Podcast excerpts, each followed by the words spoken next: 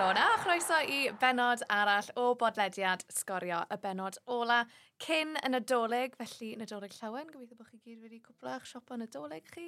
Fi heb, fi bach yn stressed. Um, ond ta waith, mae yna bodlediad arbennig gyda ni wythnos yma, achos mae lot wedi bod yn digwydd um, yn uwch gyngrair Cymru, lot wedi bod yn digwydd uh, yng Nghlwb Pildrod Pont y Pryd. Felly, fel arfer, mae Ifan Gwilym yn ymuno â fi. Helo Ifan. Mae bore da, siwr ai. I ti wedi cwpla siop yn y dolyg ti? Na. Na, well, okay. well, na, na, fi heb na. Na, mae gen i lot i wneud. A arbenni, the club. wneud, wneud bwyd hefyd, so fi'n coginio. O, oh, so, beth sydd ar y menu? Uh, o, oh, fi bach yn um, ddrwg yn rhoi chicken yn lle twrci. O! Oh. Sorry. Diddorol. Chi'n deulu cauliflower cheese ar dyn y dolyg? Uh, Sorry, na. fi yn licio cauliflower cheese, a mi o'n i, ond fi ddim yn mynd i cauliflower cheese, achos fi ddim, mae hwnna bach tu hwnt i fi okay, ie, yeah, fi'n fi licio cauliflower cheese, ond fi'n ffindio fe gyda grefi bach yn odd. Ta waith! Croeso i bodlediad sgorio. Yn ymuno â ni wythnos yma, i ni mor falch bod Thomas Lewis ar y pod. A mae Thomas yn gefnogwr Bangor 1976, hi hefyd yn un o gyd berchnogion y clwb, ond mae fe hefyd yn gyfreithiwr, felly fi a Ifan gyda laptops ni fan hyn, achos i ni'n mynd i fod yn trafod popeth sydd wedi bod yn digwydd o ran pont y pryd. Ydy Thomas, croes asyn ni, ti'n oce? Okay? Dych fan, dydw, dydw. Just i roi syniad i'n gwrandawyr ni, esbonio bach beth yn union yw dy swydd di a beth i ti'n neud? Um, ddydd? dwi'n gyfreithiwr efo cwmni Blake Morgan yn Gaerdydd um, a fel rhan o'n gwaith dwi'n arbenigo yn gyfraith um, commercial a yn gyfraith chwaraeon. Felly bach o bob dim. Fa, wel ti'r person perffaith i siarad gyda te. Felly, just, Ifan, actually, ti probably y person gorau i wneud hwn. Ti moyn just rhoi syniad i ni o beth sydd wedi digwydd ym Mhontypridd dros yr wythnos e diwetha, beth yn union yw'r gosb? Wel, fi credu bod hwn yn, yn sgwrs diddorol i gael, achos mae'r penawdau wedi bod yn eitha sensational. Mae yna 141 pwynt i'r pen. Sensational! a, a mae wedi dal sylw yn amlwg 141 pwynt, yn wedi gyda pethau sy'n digwydd mewn gwledydd eraill, fel y bygythiadau ar Man City a, a'r pwyntiau sydd wedi cael wrth Everton. Mae 141 pwynt yn dal sylw Sky Sports a'r y prif gyfryngau i gyd, mm -hmm. a mae fe hefyd yn denu lot o comments sydd falle ddim yn deall y cyd-destun, falle ddim yn deall actually... Er, Mae lot o myth-busting falle sydd angen cael ei gwneud. Mm. Felly, yn credu bod yn sgwrs gyda da. Felly, ie, yeah, cant perydig un pwynt pam palu bach yn dyfnach falle. Felly, mi oedd yna gyhyddiadau yn y byn pont y bryd. Uh, 18 ohonyn nhw. Uh, maen nhw'n i wneud gyda cofrestru tri chwaraewr, sef Jordan Knott, Elliot Richards a Corey Jenkins, um, methu talu symiau a, a terfynu cytundebau Jenkins a Richards, a wedyn i chwarae Richards a not tra bod nhw'n anghymwys. Mm. A wedyn i, beth sy'n digwydd fel arfer, mae FAW yn rhoi y cosp, ond bach yn wahanol tren, a falle, falle dyma hmm. lle fi'n dod â, a Thomas mewn. Ie, yeah, achos just i Thomas roi syniad i ti, mae Ifan bach fwy clued up na fi, achos mae profiad y ti yn dy hen swydd o yeah. ddelio gyda pethau fel hyn. Fi bach fel, Reese Witherspoon yn Legally Blonde. ble i fi felly, stym clement, stym clement o syniad manwl dy fi o yep. fel bywyd oedd Ifan y manylian. Felly, Thomas, y cwestiwn gyda i ti yw, yep. beth yw arbitration, neu cyflafareddu yn y Gymraeg sy'n llon Cig? Yeah. Reit, um, lle fod yna cyddiadau yn cael ei wneud gan yr FAW, mae gan nhw opsiwn, ddau opsiwn, uh, sut o hynna'n cael nes i fod y, hynna'n cael ei benderfynu. Una i fod yn cael ei gyfeirio at y panel disgyblu sy'n cael ei wneud fyny o cynghorwyr y, y, y gyngrair, y, y gymdeithas, sori, a yeah, nhw ydy'r gymdeithas um, i radda. A wedyn, unwaith o nhw'n penderfynu, a mae yna y gallu uned y pêl wedyn. Yr opsiwn arall ydy fod y prif weithredwr Neil Mooney yn gallu cyfeirio'r achos i, i arbitration. Um, a be ydy arbitration ydy proses hollol annibynnol lle fod rhywun unau unigolyn neu panel neu, neu cwmni annibynnol yn cael ei pwyntio i ddyfarnu ar yr achos. Um, felly yn yr achos yma, be nath ni mwni oedd penderfynu i gyfeirio fo i arbitration um, a be nath oedd cyfeirio fo i cwmni ar un y Sports Resolution a gofyn i nhw y pwyntio unigolyn i, um, i ddyfarnu ar yr achos. Um, mae arbitration, unwaith fod penderfyniad wedi cael ei wneud, mae'r uh, dyfarniad yn ddiffynol ac yn ymwrwy mae'r partion, um, dos o ddim modd apelio fo. Um, felly, be nath Sports Resolution, sorry, ath nhw ymlaen i pwyntio David Phillips, Casey, i wrando, ar, well, i, i ddyfarnu ar yr achos. Um, mae o'n cwnsler y brenin, um, felly'n brofadio lawn o rhan bod yn fargyfreithiwr, mae di cynrychioli Leeds a Wigan um, ymysg clybiau eraill. Ond hefyd mae o yn arbitrator profadol iawn yn y maes chwaraeon. E, enwedig, oedd o'n rhan o'r panel nath y farnu ar yr achos Everton yn ddiweddar. So okay. mae wedi bod yn y penawda am rheswm eraill hefyd. Um, e, mae hwnna ni, mae rhywun yn gyfarwydd iawn gyda'r yeah, so mae'n brofadol iawn ac y pwynt pwysig ydy mae'n hollol anibynnol i'r gymdeithas ac i'r clwb ac i Pontypridd.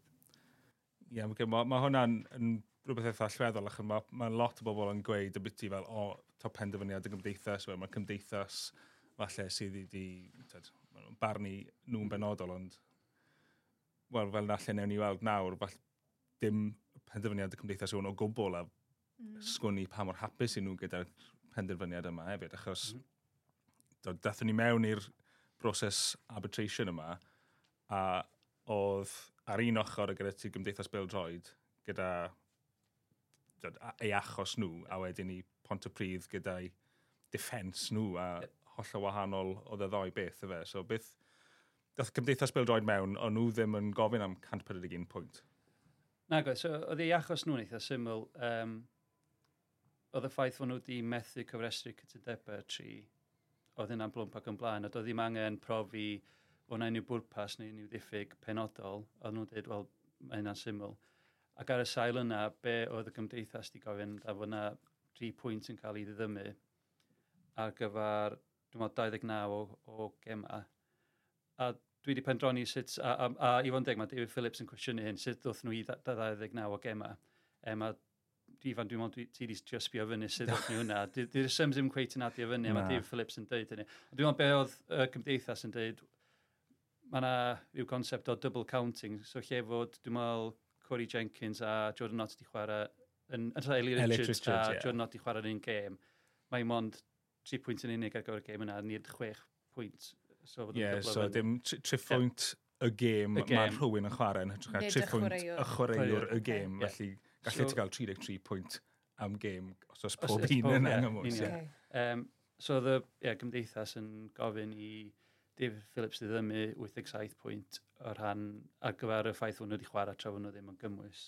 Yn ogystal yna, nhw'n gofyn i David Phillips daflu nhw allan o cwpan Nathaniel MG ac i fo osod gwaharddiad uh, ffenestr drosglwyddo am y ddau ffenestr nesaf.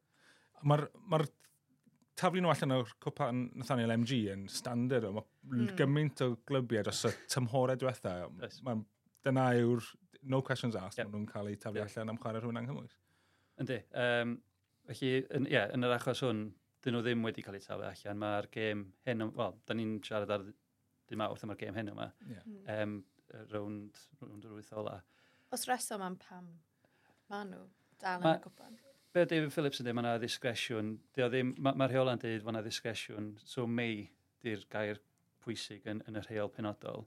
So mae yna ddisgresiwn i'w taflu allan neu ddim fel mae Ifan yn dweud, yn y rhan helaeth a achosion dros y dwy flynedd dwytha, mae wedi bod ba bach o siambls y rhan, dwi'n meddwl, yr eilyddion ieuenctid yn y blaen. Hmm. Mm. Maen nhw wedi cael eu taflu allan. Dwi'n meddwl mae'r gwahaniaeth ydy, nath Jordan Nott chwarae yn y rownd gyntaf mis awst, ers hynny mae Pontypridd wedi chwarae gêm arall yn ebyn Aberystwyth.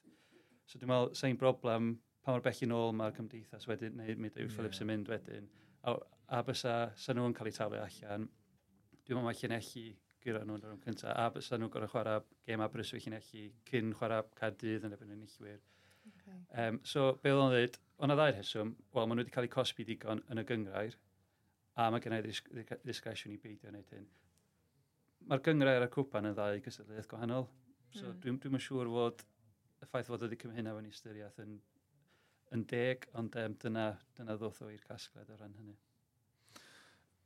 Pot y pryd felly, mm. o'n nhw'n cael yr 87 pwynt yma neu faint bynnag oedd y, oedd y yeah. maths bydde David Phillips wedi cywiro. Yeah. Um, beth oedd amddiffyniad pont y pryd? Dyma lle mae'n mynd bach yn, yn ddiddorol. Yn lle dod, neu'n lle dod adodlion cyfreithiol pyr i David Phillips, dwi'n meddwl oedd pont y pryd baith i ddefnyddio'r Saesneg tugging at the heartstrings. A oedd nhw'n dweud, wel, mae'r gymdeithas yn ymwylio ni bai y system oedd o doedd gan ni ddim motif i, i dweithio. Um, oedden nhw'n dweud, nhw oedden nhw'n disgwyl, gadden nhw i, um, nath nhw gyrraedd y Cymru Premier tymor dwytha, ac oedden nhw'n disgwyl cael cefnogaeth gan y gymdeithas. So, nhw'n dweud, wel, gafon ni ddim o hynna. Um, mi o'n i wedi cofrestru rhan helaeth yn chwaraewyr ni'n iawn. Doedd ddim rheswm i ni'n ni wneud hyn. Mae Comet, y system uh, cofrestru oedd y bai. Uh, felly, do, do gan nhw'n mynd i'w dadleuon cyfreithiol neu fod e, nhw oedd y rheola heb di dorri, oedd nhw'n just yn dod â i emosiwn nhw i David Phillips o bethau. Diddorol fi'n gweld, wedi pan ti'n sôn am beth oedd nhw'n oedd ei substantial mitigation nhw yeah. oedd y ffaith oedd e'n ambiti uh, y system comet hefyd yeah. yn braidd. A mae hwnna wedi cael ei ddefnyddio fel dadl mewn sawl achos Do. yn y gorffennol. A comet wedi cael lot o uh, stric yn y gorffennol. Mae comet wedi creu'r app. Uh, Mae'r app yn seilio ar y comet, a mae'n yeah. wych, ond fel pobl sy'n defnyddio ar gweineddwyr, maen nhw aml yn cwyno, ond dyw hwnna ddim wedi, dyw'r ddadl yna heb weithio o blaen. Na, yn benodol, dwi'n meddwl, cei cona, mae rhaid sydd gan nhw achos eitha tebyg y tymor cyndwytho, dwi'n meddwl. Um, dwi'n meddwl, be ddigwydd yma yna, fod nhw wedi trio cyfrestru Paolo Mendes o fewn y ffenestr drosglwyddo, ac os oedd hynny'n wir, oedd hynna'n galluogi nhw i wedyn um, gyfrestru free agent arall tu allan y ffenestr Neil Lidley ond oedden nhw wedi methu wchlwytho'r cytundeb o fewn yr amser priodol, felly o'n nhw wedi cyfrestu dau free agent tu allan y ffynnes ysglwyddo. Yn yr achos hwnnw, a beth arall, oedd o'n meddwl, wel, mae rhaid i fi ddyddymu 3 pwynt am bob un gwem nath ni lydlu chwarae chwech gêm, so dyna pwynt. A mi ddedod o, wel, falle fod hwnna yn anghymesur i be ddigwyddodd, ond sgennau ddim y pwer i leihau hwnna. Yn ffodus, mae rhaid i fi osod 3 pwynt, a fydda i ddim i ohirio fo. Mae hynna'n draw hanol i be ddigwyddodd yma. yma. Mm. A fydda i ddychmygu fod cicona, um, fod nhw'n bles efo be ddigwyddodd. Um, mm. Ond fi ffili credu oedd Pontypridd a Caecon yn wario gilydd yeah. yn y gêm gyda ar ôl i ddod mas. Gallai ddim wedi bod yn amser gwell. Yeah. Um, yeah, yeah. Dwi'n just cei connau efo, mae'n ma gymaint o rhai, a fi'n gwybod mae yna rhai clybiau, falle sy'n chwarae yn islawr y pyramid, sydd wedi bod yn bach yn mwy focal yn beth i cymharu yep. hwn gyda ffordd maen nhw wedi cael eu trin. So, mm -hmm. uh, goetre a abebagoed buds, yep. mae'r ddau yna wedi bod. Fi'n gwybod nath Tre Harris cael cos bethau tebyg i'r ddau yna yn yr un tymor a, a cei conna. Mm -hmm. Felly, ie, yeah, mae yna... Dyna'r dyna prif beth yw, e, cysondeb gyda hyn um, benderfyniadau, ond... Yep symud mlaen, ydy hwn yn llinell, ti'n meddwl, yn, a, a, a o nawr mlaen, falle bydd y gymdeithas yn trin yn bach yn wahanol? Bosib. Um, yeah, o ran y dadl o gan nhw fama, fod angen 3 pwynt am bob methiant neu am bob gêm oedd i chwarae. Um, mae bob achos yn cael ei benderfynu ar ei liw ti hun. Mm. Um, felly, does ddim garanti fydd unrhyw sy'n dyfarnu yn y dyfodol yn, yn dilyn y penderfyniad yma. Yeah. Beth nhw benderfynu um, yn ei ffordd hynna, ond fydd o'n rhywbeth fydd rhaid nhw ystyried o ran y risg fod nhw'n codi ddadl yna eto. Yeah. So, er, i fynd ôl at y 141 pwynt mm -hmm. yma, so, oedd penderfyniad David Phillips oedd bod nhw'n eog ar bob cyfri, mm -hmm. fi'n mhm. meddwl, ond yep oedd y gosb, falle, ddim yn cweit beth oedd y gymdeithas wedi eisiau. Mm. Na. Um, yeah, oedd o'r farn fod rhaid i fod i ddymryd 3 pwynt, a, a dyma sy'n yn glir os oedd yn 3 pwynt am bob methiant, felly fod double counting, a dyna sy'n fod y swm o 141 wedi gyrraedd. Diolch yn hollol glir, ond o ran datganiad y gymdeithas a datganiad Capital O, dyna maen nhw'n ei ddeud, felly na i gymryd o, mae dyna oedd y penderfyniad yn y diwedd. Ond wedyn oedd Dwi'n meddwl fod yna argraff wedi rhoi a David Phillips o'r rhan yr unigolion o Bont y Pryd nath ymddangos o'i flaen o ei fod nhw'n bobl ffyddlon a fod nhw'n wedi gorau um, gan ystyried mae gwirfoddolwyr oedd rhan mwyaf yna nhw. A fod nhw'n wedi gorau nid yn unig ar y clwb a'r cyfnogwyr, ond y rhan y gymuned lleol hefyd. So oedd o'n meddwl bod um, diddymu 141 pwynt yn anghymesur i, i be ddigwyddodd. Um, cangymeriad oedd o rhywbeth um, amfwriadol, uh, hollol anfwriadol rhan y clwb. A nath o pwysau mesur, wel, be mae'r rheola'n dyd gai, gai actually wneud. A oedd o'n rhoi discussion i fo, oedd o'n meddwl bod o'n rhoi discussion i fo o hirio um, diddymu rhai o'r pwyntiau. So, 141 o pwyntiau wedi diddymu, ond fod yr anhelaeth yna, dwi'n meddwl bod i 96-97 y cant o'r pwyntiau yna yn cael ei ohirio nes diwedd y tymor nesaf ar yr amod fod Pontypridd ddim yn torri rheolau unwaith eto. Um, so ie, yeah, mae'n draw wahanol i achosion yn y gorffennol. Um, ond dyna ni. Dyna, chi... dyna oedd, sori, yep. cwestiwn nesaf fi. Felly mae 6 pwynt wedi mm. colli yn syth, y 135 arall. Yep. Mae ffenest o ddwy flynedd gyda nhw nawr i yep. beidio dorri yep. unrhyw reol, nid jyst y, well, nid jyst y reolau ar ran cyfrestru okay. chwaraewyr. Um, dwi'n meddwl mai dyna oedd uh, Dave Phillips yn dweud. Yeah, o'n i bai nhw'n... Yeah, on, ar, ar am o'n nhw'n cyfresu chwaraewyr yn iawn yn ystod yr adeg yna. Na, diwedd y ddwy flynedd fydd, fydd y cosp yna yn, yn cael ei weipio yn lan. Yn diddorol, achos y geiriad mae fe'n defnyddio yw I'm satisfied that this is an appropriate case for me to suspend the points deduction yep. in respect of some of the charges. A fi'n deall hynna, a fi'n gallu gweld sy'n mynd i dod at hynna. Yep. Be fi ddim yn gallu gweld yn y penderfyniad yw sut mae wedi gosod y llinell rhwng dod, y 400, 400 yna, 6 yeah. pwynt yn unig allan o 141. Mae fe'n, dwi'n teimlo'n... Ie, yeah, a fedra i mateb fi'n achos, diolch yn glir yn y penderfyniad sydd fod o wedi...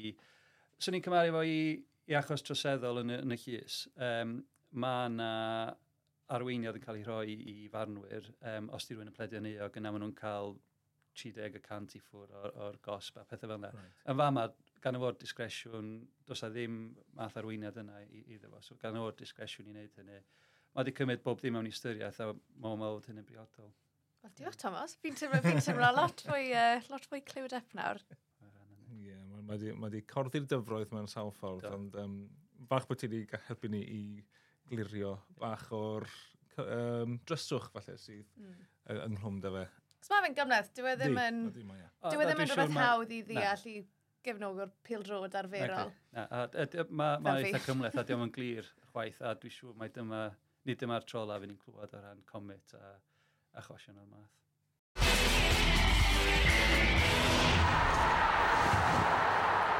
Reit, at y pêl-drod, achos mae digonedd o pêl-drod i ddod dros gyfnod yn y doleg, felly nawn ni edrych mlaen at yr uchaf bwyntiau sydd i ddod yn y man, ond yn gyntaf, nawn ni edrych nôl ar y penwthnos sydd newydd fod, achos mae'r trio ni wedi bod bob man.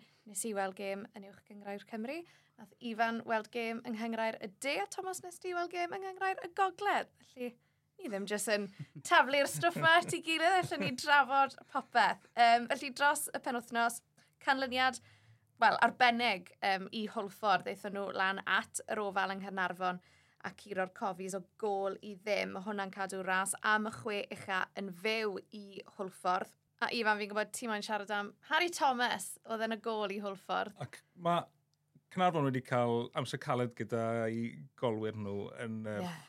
wythnosau misoedd diwetha, achos maen nhw wedi goffa defnyddio chwaraewyr ifanc iawn, mm. ond maen nhw wedi bod yn chwarae yn wych, yn wedi am gyfer chwaraewyr mor ifanc. Harry Thomas yn 16, ac yn 5 penwthnos, penwthnos yma, a ti'n edrych ar y clipiau, mae fe'n showreel bach da iawn o ran arbydiadau, felly, ie, yeah, cyn bod ni'n canlyniad siomedig iawn i Gynarfon o ran y ras am y chwech ucha, mm. ond dyn, ma, o ran camu mlaen yn y amser oedd i ddod, mae'n positif iawn.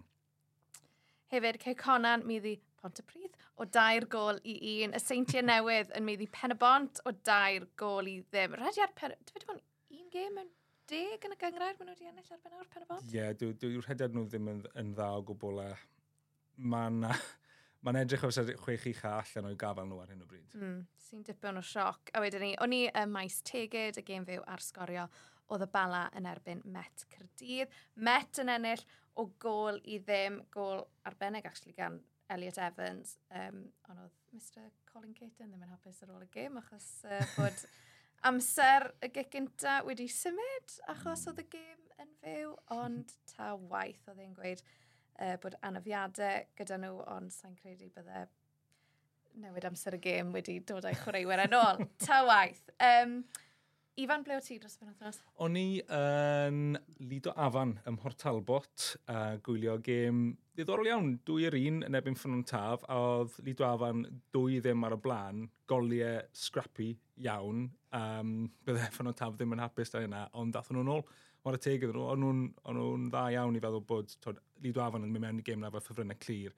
Mae yna ras tod, pedwar ceffil yn cyngred y de ar hyn o bryd. Mm. A, Llanelli a Llansawel yw'r rhai sy'n denu sylw, ond a Lido Afan a Gyfyrddin dal yna, a o'n nhw'n eitha siomedig bod nhw wedi colli pwyntiau. Uh, ar noson diflas tu hwd, oedd e just, oedd ddim bwrw glaw, oedd e just, oedd y glaw yna, oedd e ddim yn dod lawr, Jyst cael chwyrlio gwmpas y ca, anodd iawn gweld pwy oedd ochr draw y ca. Oh, oedd e fel an y bala hefyd. Ie, yeah. so un o'r rheini, um, ond game digon entertaining.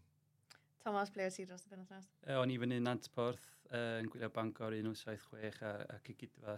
Um, ia, yeah, gem dda, um, oedd y gwynt yn chwythu lawr o, o bont, bont y fennau, so um, Cigidfa'n chwarae efo'r gwynt yn y hanner cyntaf, mynd ar y blaen. Um, Bangor yn, yn sgorio just gan hanner amser. A wedyn uh, Craig Whelan yn sgorio yn, uh, o, yn, yn amser ychwanegol a diwedd y gêm. Um, Super sub. Sdim i gwell, fi'n meddwl, na injury time winner. Na. A ia, oedd dathliadau yn... Um, ie, pawb yn jympio ben i gilydd yna. So, uh, ie, na, na, gem dda. Um, bach o i'n anigos ar diwedd, ond uh, ie, na, hwyl yr hwyl a bob dim. Ond, uh, na, gem dda. So mae'r tymor yn mynd i Bangor? Uh, da, dwi'n meddwl, dwi'n meddwl ddechreuon nhw'n wych ac ar dan, a dwi'n meddwl hynna wedi rhoi impression eitha ffals o yeah. nhw'n mynd. Rhai, rhai cofio mai hwn di'r pedwerydd tymor, dwi'n meddwl, mae'n glwb mm. ifanc o ran pob dim oddi ar y cae ac ar y cae, mae'n hoci ifanc yna. So dwi'n meddwl, yna, dig mwy na hapus efo beth mae um, John o'n neud yna. Um, ia, dig, a ddylia fo ni well, yn gallu aros yn ganol y tabl am, am gweddi gyda tymor gobeithio. Ac edrych mlaen ar gyfer gêm yn ebyn port dros dolyg? Ie, yeah, yeah, um, gêm lleol arall. Um, so ie, yeah, na, na edrych ymlaen. Um, di methu y, y gemau yna dros y blynyddoedd dweitha. So ie, na, edrych ymlaen a o'n i'n gweud Bangor yn erbyn Porthmadog y dod lan, ond mae'n gemau arall diddorol yn dod lan yn, yn tuag at brig uh, uwch cyngred y gogledd, felly e-bus ar y blaen, mae gen nhw 6 pwynt o fantes ar y brig nawr, ond mae mm. tipyn o gemau wrth gem gyda Flint a Treffynon. Flint yn chwarae Llyndyd nhw dros dolyg, mae Treffynon yn chwarae bwcle ac e-bus yn chwarae Gresffordd. Yn y de, fel o'n i enwi'r pedwar na gynnau, mae Llansawel yn chwarae Dreigiau Baglan, a'r um, Wyl San Steffan, llan, Llanelli'n mynd rhydaman sy'n bimed, felly gallen nhw achosi sioc fyna, gyfyrddin yn ebyn pont ardawe, dy dim di, a Lido Afan ebyn Trefelin, gêm ddarbu fyna, Liam McCreesh yn ei siag gyfer, o wedi'r gêm yn edrych ma'n fawr ar gyfer y gêm yna. A wedyn ni, Gwyl San Steffan, fi draw um, Hont y Prydd, yr er, er, tîm, tîm yr, uh, tîm yr wythnos. uh, maen nhw'n chan mynd Aberystwyth, mae'n gêm fawr yn gwylod y tabl, sef y ddoi tîm sy'n safrwydd y cwimp. Mm. Mae Hwlffordd Bari a Seintiau Canarfon yn chwarae, gallu'r canlyniadau na feddwl mhm. bod Canarfon a Hwlffordd yn gyfartal y pwyntiau erbyn diwedd gwyl San Steffan. Ti'n disgwyl, dod, mae sioc sy'n gallu digwydd, Canarfon yn gallu curo seintiau, ond Hwlffordd Barry, os ti'n meddwl gallu'r canlyniadau fynd y ffordd mae'r tabl yn edrych, mae'n mynd i fod yn really dyn yn y gemau ola yr er, hanner yma'r tymor. Janewydd yn mynd Cona, Bai Colwyn yn mynd Bala, a Met yn erbyn Pen y Bont yn y gym eraill Gwrs San Steffan. Gym enfawr i Met Cyrdydd yn erbyn Pen y Bont. A Pen y Bont hefyd, ti'n meddwl dod hwnna yw'r unig cyfle gyda nhw. Os nhw ddim yn ennill hwnna, mae arbenn yn nhw really, am chwech eich. A wedyn ni Nos Galan. Gym fyw ar sgorio, gym fawr, yn y ras ar gyfer y chwech eicha, a os ni'n meddwl am ti beth sy'n digwydd yn y gêm eraill, gallen ni fod yn edrych ar hwnna fel gêm fawr ar gyfer y chwech eicha a y safleoedd y cwimp yna, achos mae Bai Colwyn, os nhw moyn creu bwlch rhwng nhw a hmm. Pontypridd mm. Pryd ac Aberystwyth, mae'n ma o'n A amlwg, mae'n neis gweld torfeidd mawr yn y gyngred fel oedd yn y gêm agoriadol. Yn bendant. Felly lot o bêl drod i ddod dros yr wythnos nesa. uh, Thomas, eisi sefydoli, nes i ddim gofyn ti os i ti wedi gorffen dy siop yn y doleg ar ddechrau'r pod. Dwi'n yn meddwl, dwi'n dwi, dwi siŵr i fod yn onest. Rhaid fi checio fo'r bos. Ond, Thomas, diolch yn fawr am ymuno â ni ar y pod. Diolch am esbonio popeth mor eglur a, ie, yeah, just diolch am yr holl waith cartre nes ti droi land, a lot o waith papur, felly, ie, um, yeah, ti bendant i paratoi bach, bach mwy na fi a Ifan, siŵr o fod. Ifan, diolch yn fawr i ti am ymuno fel arfer hefyd. Felly cofiwch ymuno gyda ni ar sgorio nos galan y gêm fyw Cynarfon yn erbyn bai Colwyn yn fyw am hanner awr wedi diddeg. Diolch eto am rando heddi a thrwy gydol y flwyddyn hefyd. Bydd pod sgorio nôl yn y flwyddyn newydd, ond am nawr, nadolig llawen a blwyddyn newydd dda.